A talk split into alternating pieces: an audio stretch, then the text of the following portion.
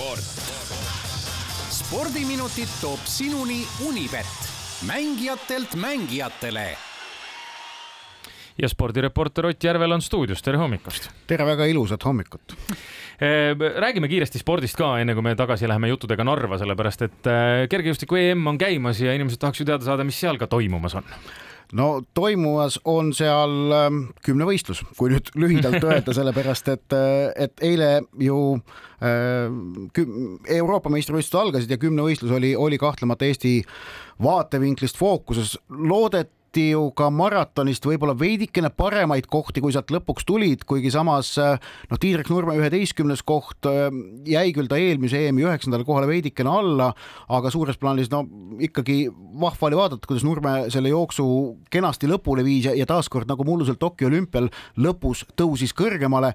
võistkondlik kuues koht on aga, oleme ausad, minu jaoks nagu selline noh, tekitab sellise väga hea tunde, võistkondlikult kuues koht saada, tõsi, see võistkondlik arvestus maratoni jooksus on suhteliselt uus nähtus ja seda, seda võib-olla kõik riigid niivõrd tõsiselt ei võta või sinna ei panusta, aga kuues koht oli, oli, oli Eesti tulemus.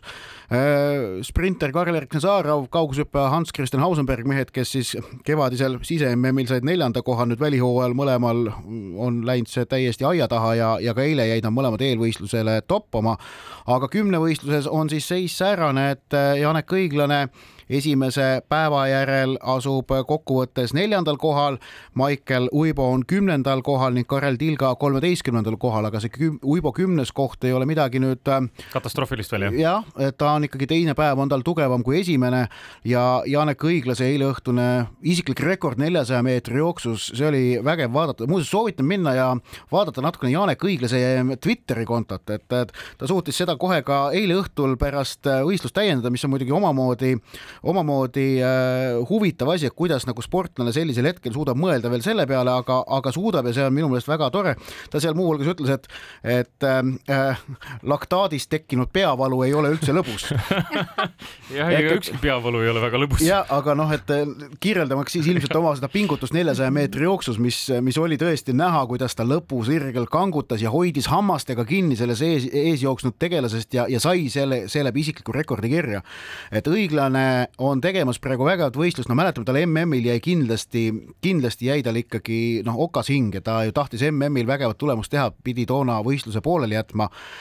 Ja varasemates tiitlivõistlustes meenutas, et kui õiglasel on see võistlus tuju peal, siis äh, ta on suuteline eneseületusteks, ta on suuteline pakkuma vägevaid emotsioone, nii et äh, hoiame täna, soovitan kõigil spordisõpradel kindlasti kümnevõistlusel silma peal hoida aga need äh, panused üleüldse, sest kümnevõistluse kohe alguses ju, ju löödi kaardid täielikult äh, segamini. ja Kevin Maier, valitsev maailmameister saja meetri jooksu pidi katkestama juba, et sai kohe alguses vigastada, see kahtlemata noh, oleme ausad, äh, see jalamaid tõstis ka nii uibo kui õiglase medališansse, nii see spordis on, et kui, kui ühel, ühte tabab ebaõnn, siis teised, teistel avaneb võimalusaken või suureneb see võimalusaken aga Münchenis tegelikult ainult kergejõustiklased üldse mitte täna äh, väljakule ei lähe, vaid äh, või siis areenile, äh, jah, kergejõustik väljakule ei lähe, areenil on ikka õige öelda, väljakule lähevad rannavõrkpallurid Kusti Nõlvak, Mart Tiisar. Euroopa meistrivõistlused algavad Münchenis ka rannavõrkpallis.